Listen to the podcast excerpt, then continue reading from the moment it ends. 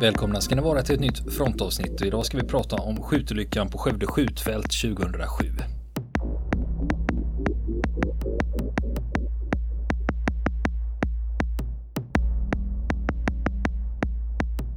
Och nu fortsätter vi prata om skjutolyckan på Skövde skjutfält 2007.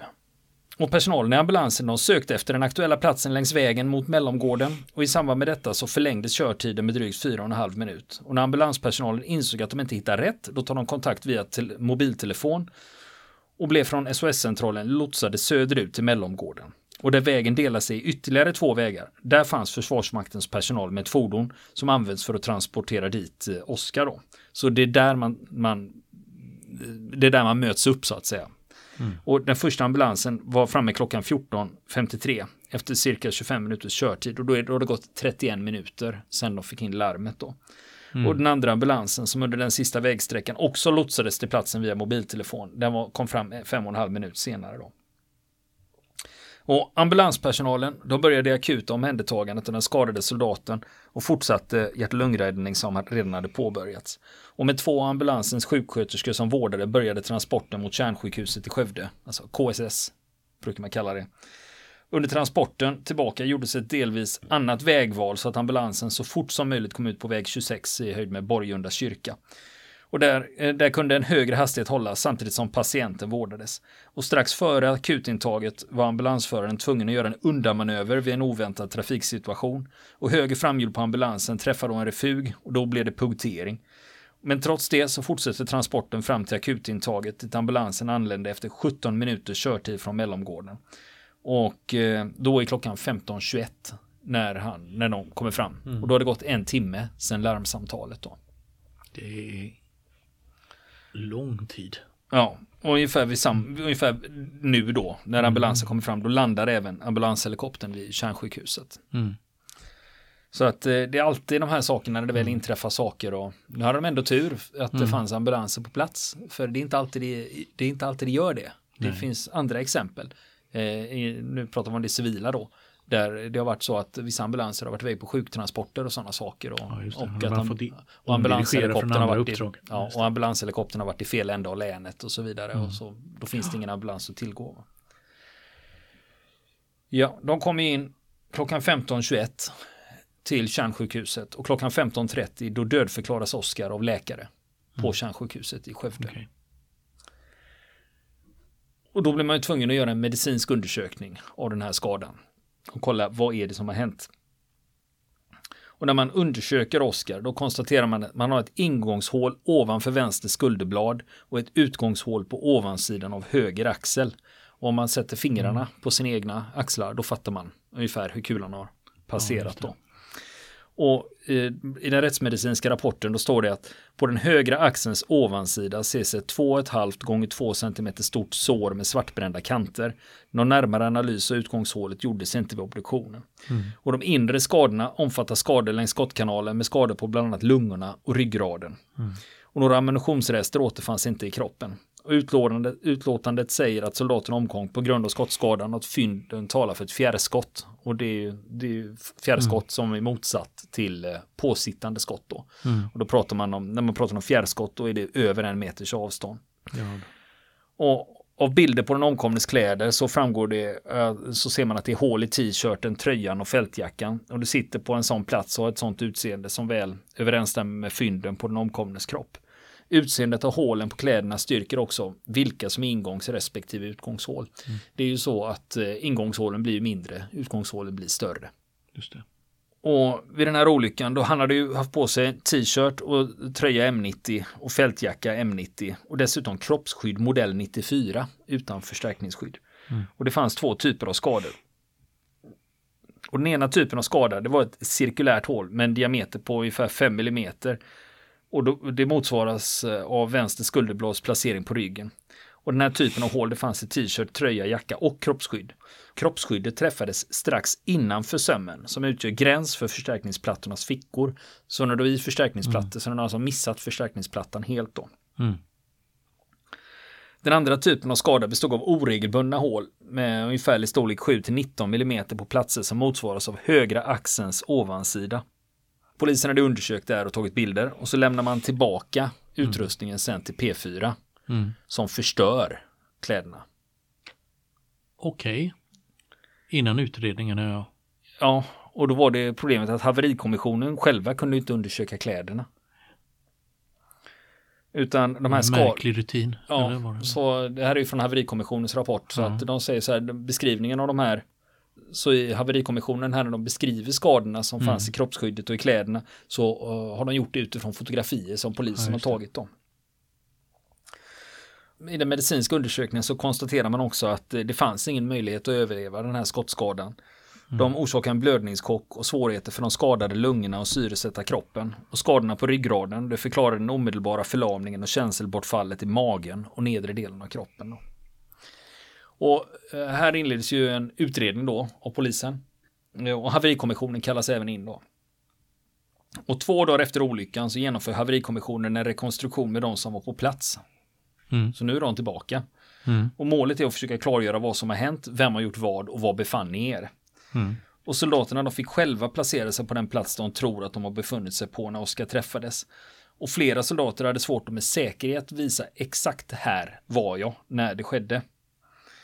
Vissa hade riktmärken som de förhöll sig till. Det var träd och stenar i omgivningen. Då. Just det, jag låg ju bredvid trädet men stenen var där. Och liksom, så de kunde ändå positionera in sig något sånär.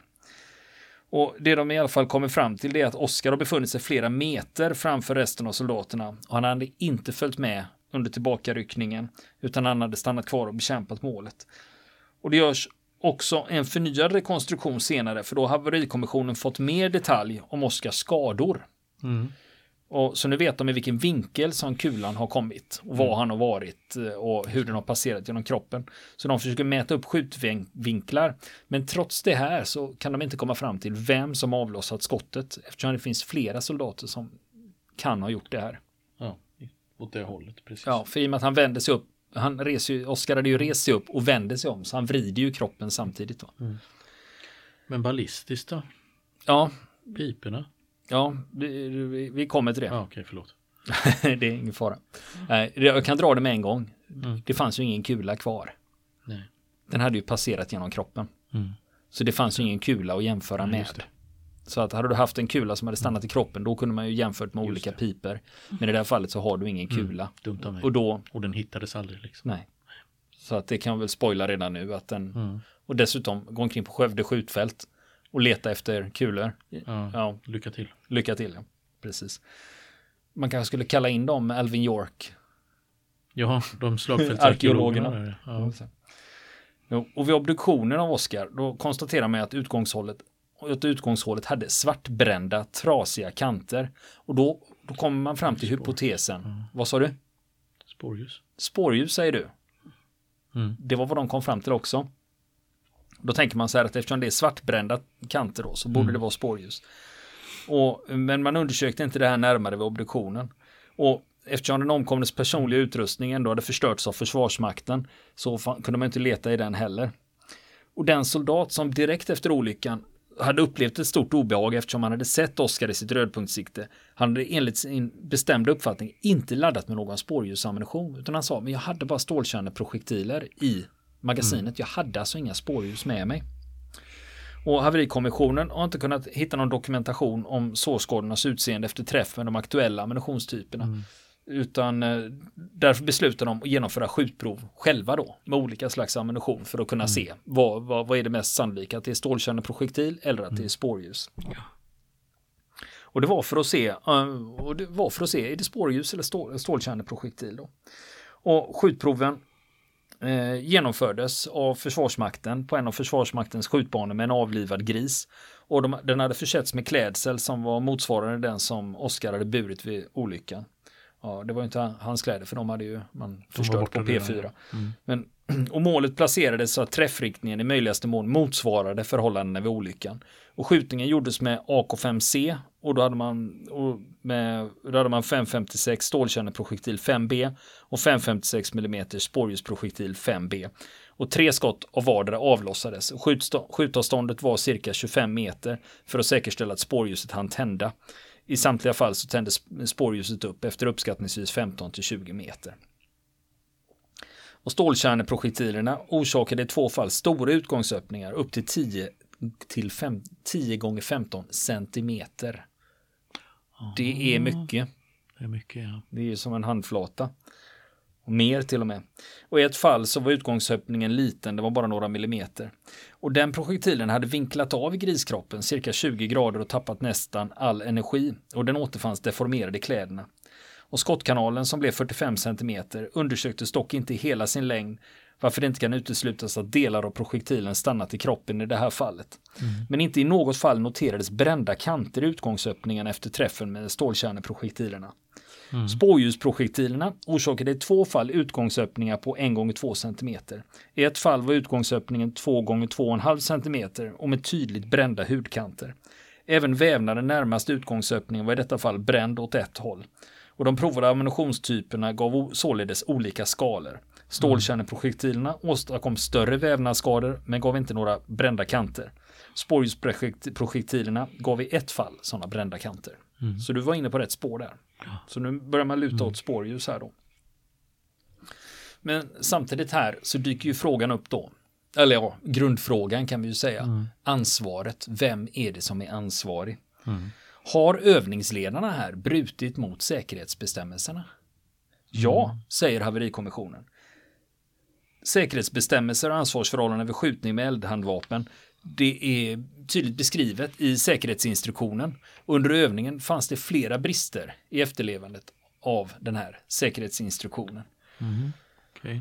Och det bygger på att säkerheten vid eldgivning under gruppens förflyttning bygger på att soldaterna i respektive omgång håller rättningen i sida och att längden på de omgångsvisa förflyttningarna bland annat anpassas till risken för studs.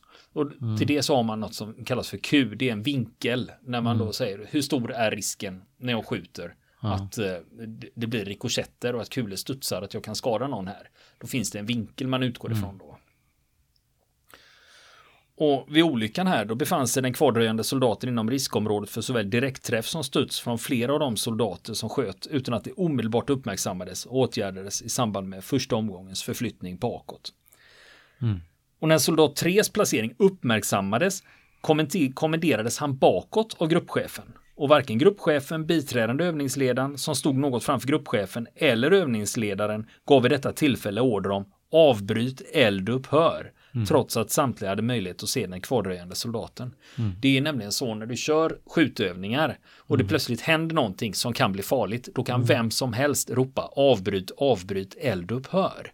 Men det, det var alltså ingen som gjorde ingen det? Ingen gjorde det. Och, och, och där har man ju för att det är inte säkert att övningsledaren eller eh, ställföreträdande övningsledaren ser om det händer någonting. Mm. Till exempel en sån sak om du ligger på ett skjutfält och skjuter ja. längs med en skjutbana så plötsligt så dyker det upp svampplockare mm. i kanten.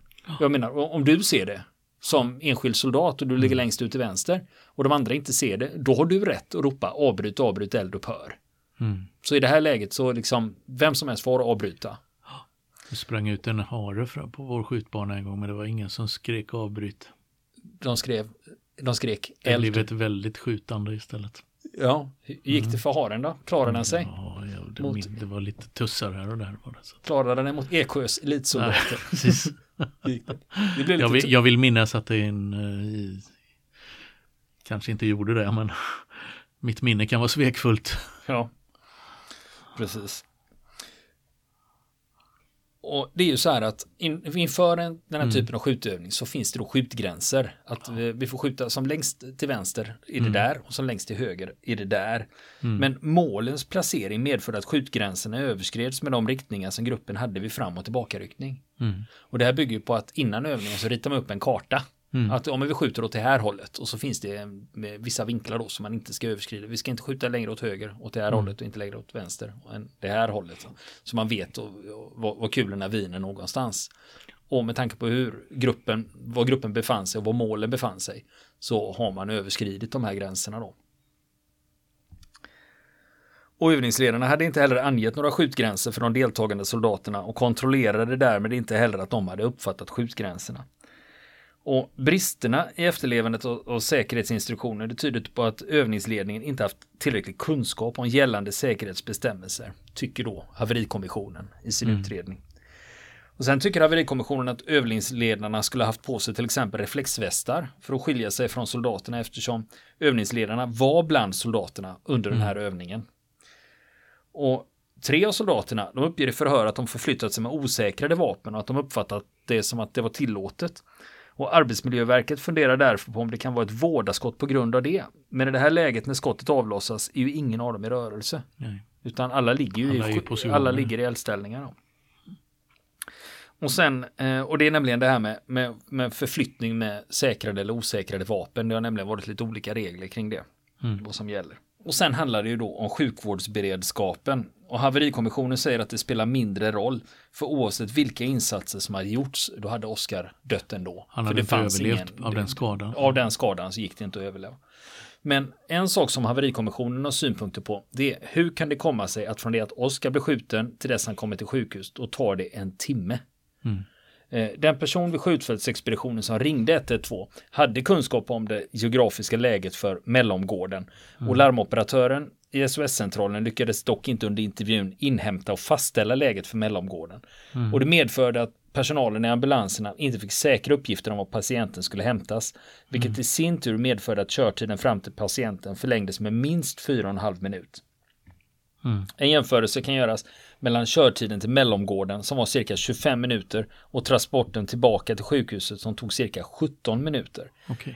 Och när den person i SOS-centralen som svarar för dirigeringen av ambulanserna fick klart för sig mellomgårdens geografiska läge fördes inte uppgifterna vidare till ambulansen genom att till exempel lägga ut platsen i kartstöd, kartstödsystemet och informera ambulanspersonaler. Det är fel i flera led alltså. Ja, och de här uppgifterna hade gett ambulanspersonalen bättre förutsättningar att hitta fram och även kunnat förkorta körtiden. Ja. Så först kan inte personer på skjutfältet, även om man vet var platsen ligger, inte förklara det för mm. Det går inte fram i alla det fall. Det går inte fram i alla fall. Mm. Och sen, sen när operatören på räddningscentralen till slut får veta var det ligger så meddelas inte ambulansen detta. Inte på det viset utan det var ju ambulanserna ringde ju ja, själva från mobilen. Mm, för, att, för att förhöra sig om exakt ja. vart de skulle någonstans. Ja. Så det är också sådana här saker när, eh, för om du tänker dig, först rapporteras du in från platsen till skjutledaren, skjutledaren till SOS och SOS ja. till ambulansen.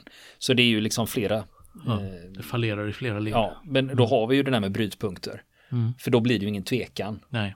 Hade de haft brytpunkt mellomgården. Då... Men då har det ju redan fallerat på ett tidigare stadium om inte den informationen har överlämnats till räddningscentralen. Ja, Ja, den är ju helt värdelös. Eh, det ja, hjälper ju inte att den finns ju, på... Då kan, då kan ju man ju vara hur välorganiserad som helst ja, det hjälper, det hjälper ju inte att de har de brytpunkterna. De har dem på, ja. att de har dem på skjutfältet och de har Nej. dem på P4 Skövde. Det, det hjälper ju inte så länge, så länge SOS Alarm mm. och eh, ambulansen inte har det.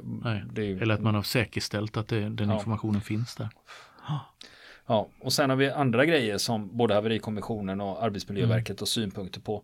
Bland annat den som begärde ambulans lämnade uppgifter som uppfattades som väldigt osäkra. Och det var ju mm. bland annat det här med skadorna då. Liksom, ja, vad är det, som har hänt? Va? Är det en skjutolycka eller har han brutit benet? Ja, just det. Och så var det också det jag nämnde här då att den som begärde ambulans var inte på platsen för olyckshändelsen mm. utan lämnade uppgifter i andra hand. Mm. Och SOS-operatören avslutade intervjun och 112-samtalet utan att först inhämta mellangårdens noggrannare geografiska placering. Och det fastställdes mm. inte var Försvarsmaktens personal skulle möta ambulansen för vägvisning. Mm. Och aktuell information i ambulansernas kartstödsystem uppdaterades inte från SOS-centralen när den nya uppgiften om platsen för mellomgården blev känd. Och ingen ambulans larmades från Tidaholm som ligger söder om skjutfältet med en annan tillfartsväg till mellomgården. Och det är inte längre än vägen från Skövde. Nej. Och det kunde också varit, hade man larmat från Tidaholm också. Mm. Då kunde man ju kanske ja, lyckats bättre. Det vet man inte. Ja. Och den som ringde 112 mm. angav inga kartkoordinater för adressen och SOS-personalen mm. frågade inte efter det heller. Mm. Då, kan man ju, då kan man säga var, varför uppehåller man sig så mycket vid det här då när personen ändå gick att rädda? Jo, saken är det, det visste man ju inte då i det läget. Nej, men det här kan ju... Det kunde ju rädda ett ja, liv. För det kommer vi också till vad som hände sen efteråt. Mm. Att då börjar man ju jobba med de här sakerna. Mm. Eh, också. För att eh, det här uppmärksammar, okej okay, nu gick Oskar inte att rädda. Mm. För det var ju från mm. det att skottet träffar så är han dödsdömd. Ja. Men det här kan ju leda Men till... Men i situationen visste man inte ja. det. Precis. Det visste man inte då, nej. Precis. Och så var vi just det där med den här kartan som fanns över skjutfältet med mötesplatserna angivna på en bifogad skiss. Den fanns inte mm. vid ambulansorganisationen och inte vid SOS-centralen. Och kartan användes inte heller av Försvarsmakten. Och de, eh, enligt haverikommissionen så säger man ju då att ja, hade man haft tillgång till och mm. kunskaper mm. om den här kartan, då hade det ju kunnat bli bättre just ja. när det gäller ambulansen. Men de summerar ju också att det hade inte förändrat utgången för olyckan någonting. Sen har haverikommissionen en annan frågeställning mm. eh, kring det här när de funderar på hur det kunde bli så här. Eh, och det är att de funderar på arbetsbelastningen på förbandet, om det har bidragit mm. till olyckan. För eftersom soldaterna i Nordic Battle Group, de var inte värnpliktiga utan anställda. Mm. Och för plutonledningen så kom det då till en hel del administrativa rutiner som arbetstidsuppföljning, rapportering och vid planering och genomförande av utbildningen var ledningen dessutom tvungen att ta hänsyn till den ingående personalens varierande bakgrund och erfarenhet samt till att vakanserna successivt fylldes. Mm. Och vid en granskning av granatkastarplutonens uppgifter och veckoprogram under utbildningstiden under andra halvåret 2007 mm. Då finner haverikommissionen att det ligger en obalans mellan uppgifter och tillgänglig tid. Och det kan mm. ha bidragit till att den aktuella övningen inte kunde planeras och genomföras på ett säkert sätt. De hade helt enkelt för jävla mycket att göra. Mm. De hade för mycket uppgifter och för lite tid. Mm. Och att det, det kunde lett till slarv inför planeringen av den här övningen. Då. Sen kommer vi till slutsatserna då i alla haverikommissionens rapporter. Gå gärna till havcom.se och läs deras haverirapporter. De är ofta mm. väldigt lättbegripliga. Man behöver inte ja. vara liksom tekniker eller för, att, för att förstå dem. Men det som är det viktigaste i dem, det är ändå slutsatsen. Mm. Det har de alltid med där de summerar. Detta tror vi mm. är, detta är anledningen till olyckan mm. eller detta tror vi är anledningen till olyckan. Och Rekonstruktionerna på olycksplatsen visar att den omkomne soldaten befann sig i riskområdet för flera av de övriga soldaternas vapen. Men obduktionen visar att han träffades av endast ett skott och att det var en direktträff. Och skjutproven med olika slags ammunition gav inget säkert svar på frågan om vilken typ av projektil som träffade Oskar. Och ingen av stålkärneprojektilerna gav upphov till något utgångshål som liknar det på den omkomne soldaten. Och en av spårljusprojektilerna gav upphov till ett liknande utgångshål med brända vävnader. Och när man då tittar på utgångsöppningens storlek på den omkomne soldaten, 2 gånger 2,5 cm och att det inte fanns några ammunitionsrester kvar i kroppen och anteckningen i det rättsmedicinska protokollet om svartbrända kanter är det dock troligt att soldaten träffas av en spårljusprojektil. Och den soldat som hade sett den omkomne soldaten i sitt rödpunktssikte uppgav bestämt vid intervju att han inte hade laddat med någon spårljusammunition. Den sammanfattande slutsatsen är att den omkomne soldaten kan ha träffats av ett skott från flera av de ingående soldaterna i gruppen. Även om vissa soldater kan uteslutas kan det inte med säkerhet fastställas från vilket vapen det dödade skottet avlossades. Så det är det de kommer fram till att ja, mm. han har blivit ihjälskjuten, men vi kan inte peka ut vem det är. Nej. Som har avlossat skottet. Ja, det. Och det du var inne på där att man hade ju aldrig mm. återfunnit kulan, så man hade ju ingen kula att jämföra med. Ja, just det. Och så till sist kommer haverikommissionen fram till orsakerna till olyckan. Då skriver de så här att den direkta orsaken till olyckan, det var att övningen fortsatte när det farliga läget uppstod utan att någon beordrade avbryt, avbryt, eldupphör. Och bidragande orsak var att övningsledaren inte hade erforderlig kompetens att planera och leda övningen och att hans förmåga inte hade kontrollerats innan mm. han beordrades som övningsledare.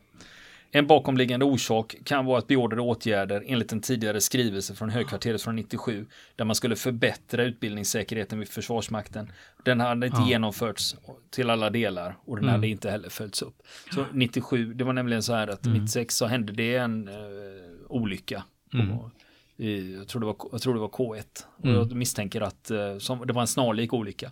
Så uh, jag misstänker när man då säger att den kom 97 att den hade nog en koppling till den då. Just det. Och vad hände sen då? Jo, olyckan utreddes ju av polisen, haverikommissionen och Arbetsmiljöverket. Och Arbetsmiljöverket, de anser att det här går att styrka till ett fråga om en arbetsmiljöbrott och de vill att det ska gå till åtal. Jaha. Det här, för det här är en arbetsplatsolycka. Ja, och här kan man ställa folk till, till uh, ja. det är ju arbetsmiljöbrott. Vållande och tjänstefel. Och ja, ja, men om någon dör. så ska det inte vara på en arbetsplats, utan då Nej. går det att knyta någon till det här. Mm. De vill att det här ska gå till åtal och de skickar det till åklagaren och det gör de i maj 2009. Du tänker dig december 2007 i skjutolyckan mm. och maj 2009. Då vill de att det ska gå till åtal. Mm. Och åklagaren går igenom fallet och i juni 2009 så bedömer han att han inte, det räcker inte för ett åtal det här och så mm. lägger man ner det. Och anledningen, det är enligt åklagarna att det är svårt att bevisa att som Arbetsmiljöverket påstår att olyckan berodde på allvarliga och djupa organisatoriska brister. Det är det mm. som Arbetsmiljöverket för fram då. Ja. Och den biträdande övningsledaren han beordrade ju eldupphör när faran upptäcktes, även om det var i samband med att Oskar träffades.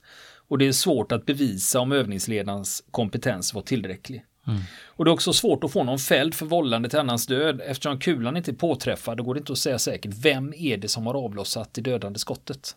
Mm. När du inte vet, du kan inte, vem ska du åtala då? Nej, du har ju ingen skyldig. Osäkra faktorer där. Ja, men åklagaren tycker att det här räcker inte då. Men Arbetsmiljöverket, de är inte nöjda med det här, utan i juli då överklagar de åklagarens beslut att lägga ner. Och Arbetsmiljöverket tycker att gruppchefen gjort fel som inte har beordrat eldupphör när han ser att Oskar inte har ryckt bakåt och att övningsledarna vid tillfället inte övervakade övningen utan var vända bort med ryggen åt vad som pågick. Att de inte såg mm. det här. Och de säger att det här är så pass omfattande brister i förebyggande säkerhetsarbete att det här räcker för ett åtal. Och när åklagaren får titta på de här nya, eh, nya grejerna som Arbetsmiljöverket mm. framför. Han säger att nej, det har inte framkommit något nytt sen sist och lägger ner det igen. Och då är vi framme i augusti 2009. Och bara en vecka senare då återkommer Arbetsmiljöverket till åklagaren och kompletterar med Officersförbundets rapport som heter Ett säkert försvar? Frågetecken. Där Officersförbundet säger vad de tycker om försvarets säkerhetsarbete. För Officersförbundet säger att polisen, haverikommissionen och Arbetsmiljöverket har gång på gång påpekat att det finns systematiska brister i säkerhetsarbetet. Att det skett flera olyckor under 2000-talet utan att någonting händer. Mm. Och eh, olyckorna som Officersförbundet nämner i rapporten, det är till exempel krocken mellan stridsbåtar i Stockholms skärgård 2004. Två mm. värnpliktiga omkommer. 2004. Två soldater på Amfet skjuter granatgevär nakna med bara hjälm och hörselskydd. Ingen kom till skada men det medförde negativ publicitet. Mm. 2005. Helikopterolyckan utanför Rörö när en HKP-10 Superpuma störtar i havet. Sex dör och en skadas. Mm. 2006. En värnpliktig förs till sjukhus från amfibieregementet på grund av värmeutmattning. Och han var inte själv. Ytterligare fyra värnpliktiga fick också föras till sjukhus. Mm. 2006, en stridsbåt från Amfet förliser, inga skadade. 2007, två helikopter 9 kolliderar i Ryd i Småland och bägge besättningarna omkommer. 2007 var det olyckan med stridsfordon 90 på Revingehed. Mm. Det, är, det är en som omkommer där i den ja, olyckan. Och 2007, värnpliktiga på I19 Boden drabbas av köldskador. Mm. Och officersförbundet, de är kritiska till två saker. Dels neddragningarna på personal. Nu får vi tänka, det här är ändå tio år sedan. Hur det såg ut då. Man var ju mitt i, mm. man höll på att dra ner allting vad försvaret hette vid mm. den här mm. tidpunkten. Och officersförbundet är kritisk till två saker. Dels neddragningarna på personal samt ständiga hopslagningar och omorganisationer. Som exempel så lyfter de fram helikopterflottiljen som mellan 98 och 2008, alltså under tio års tid, genomgått fem omorganisationer. Och de skriver att det växer ingen gröda på en åker som ständigt plöjs. Mm. Så det var vad de ja. tyck, tyckte då. Så att eh, Arbetsmiljöverket skickade in den här rapporten ihop med det för att visa att ja men titta det är inte bara vi. Mm. Utan det finns ju ett systemfel om vi då tittar på Just mängden det. olyckor som sker här. Va? Ja. Men ärendet då? Jo, det här kommer till en överåklagare som i september 2009 han beslutar att nej men vi tar, åt, vi tar upp det här igen mm. och tittar på det. Men eh, han säger så här, beslutsunderlaget är otillräckligt. Vi behöver ha mera grejer innan vi behöver kompletteringar. Mm. Och sen i november då meddelar Åklagarmyndigheten att de lägger ner det. De säger att det inte går att styrka brott och även om man utreder det mer kommer det inte att förändra bevisläget. Utan mm. det ligger där det ligger. Mm. Och P4 Skövde de upprättar en egen åtgärdsrapport och det är bland annat eh, efter olyckan på Revingehed i mars 2007 som jag nämnde. Det var en major från P7 som drunknar när han sitter fast. Det är ett stridsfordon 90 som har vält i ett vattenfyllt dike. Mm. Och så nu då när Oskar Johansson har skjutits ihjäl. Och så hänvisar de även till mindre olyckor och tillbud som har skett i närtid. Och bland annat handlar den här åtgärdsrapporten mm. från P4 Skövde att de ska åtgärda det här med vart ambulanserna ska komma om det händer en olycka. Och att SOS mm. Alarm har de här också. Mm. Sen påminnelser de om vikten av riktiga övningsplaner och riskanalyser och riskområden och olycksfallsberedskap för mm. skjutövningar och att övningsledarna förbereder mm. sig mentalt och går igenom vad de själva ska göra om det värsta händer. Mm. Och övningsledarna kan snacka ihop sig innan. Om det här händer gör jag detta och då gör du detta. Och, att, eh, och det här är också en, det här är en ganska bra grej eh, överlag faktiskt som jag personligen tänker på. Att om något inträffar, hur agerar jag då? Mm. Så att man har tänkt tanken och har den beredskapen. Och det kan vara, jag vet, jag är göteborgare och branden här 98. Mm. Just det eh, när 63 ungdomar omkom här på Hisingen, mm. här i Göteborg. Då, efter, efter det började jag plötsligt titta efter nödutgångsskyltar mm. när jag kom in i byggnader. Just det. Alltså, mm. någonstans hade det satt sig. Så man direkt tittar liksom. Och det kan också vara sån här tänka tanken bara att om något händer, vad gör jag då? Så de är, inte, de är inte helt fel ute där. Och sen en annan grej som eh, eh P4s egen åtgärdsrapport handlar om det att alla som deltar i övningen ska veta hur den går till och mm. att alla är beredda att avbryta övningen vid uppenbar fara. Och då är vi mm. tillbaka mm. vid avbryt, avbryt, eld och pör. Mm. Men det här slutar ju inte här då. Oskars mamma, Eja Johansson, hon fortsätter kämpa för att försvaret ska förbättra säkerheten så att det inte ska hända igen. För hon är ju, tycker ju det här är galet va? Att hennes mm. son dör på en övning. Mm. Och i mars 2010 skickar hon ett brev till försvarsministern där hon kritiserar Försvarsmakten för att ingen, ingen tar något ansvar för det här. Mm. Utan det är bara utrett, utrett och de har inte kommit fram till något. Allting, och det läggs ju ner. Va? Mm. Så hon går ut i media och säger att jag måste göra det här. Om det så kan rädda en enda person, då har det i alla fall någon betydelse. Annars har Oskar dött i onödan. Att man kan dö vid en insats utomlands kan man förstå. Men är det verkligen rimligt att man ska behöva dö på övningarna på hemmaplan? De mm. är ju så strikta. Men när det kommer till de här övningarna så är det vilda västern. Mm. Mm. Så, så, så det var så. Hon, ja. ja. Vad hände då efter hennes brev? Då? Nej, vad tror du? Det lades till handlingarna. Nej, men det, det är ju... Nej, så, man kan väl inte säga så heller. Utan eh, i, i, samband med sådana här saker så brukar ju bland annat P4 gjorde ju en egen åtgärdsrapport. Ja, de gjorde saker för att komma till rätta med det här. Och, mm. och det brukar ju alltid vara så att man brukar se över de här sakerna när det har hänt eh, allvarliga mm. grejer. Att man blir hårdare och hårdare. Och det är liksom, sen är det ju så att många som är, är verksamma inom Försvarsmakten har ju, har ju haft kopplingar till den här olyckan eller andra. Och då tar mm. man ju också med sig det på ett personligt plan. Just det. Så även om det inte ska behövas mm. så, så brukar det vara så att alla olyckor leder till någon form av förändring i verksamheten för att det inte ska inträffa mm. något. Just det.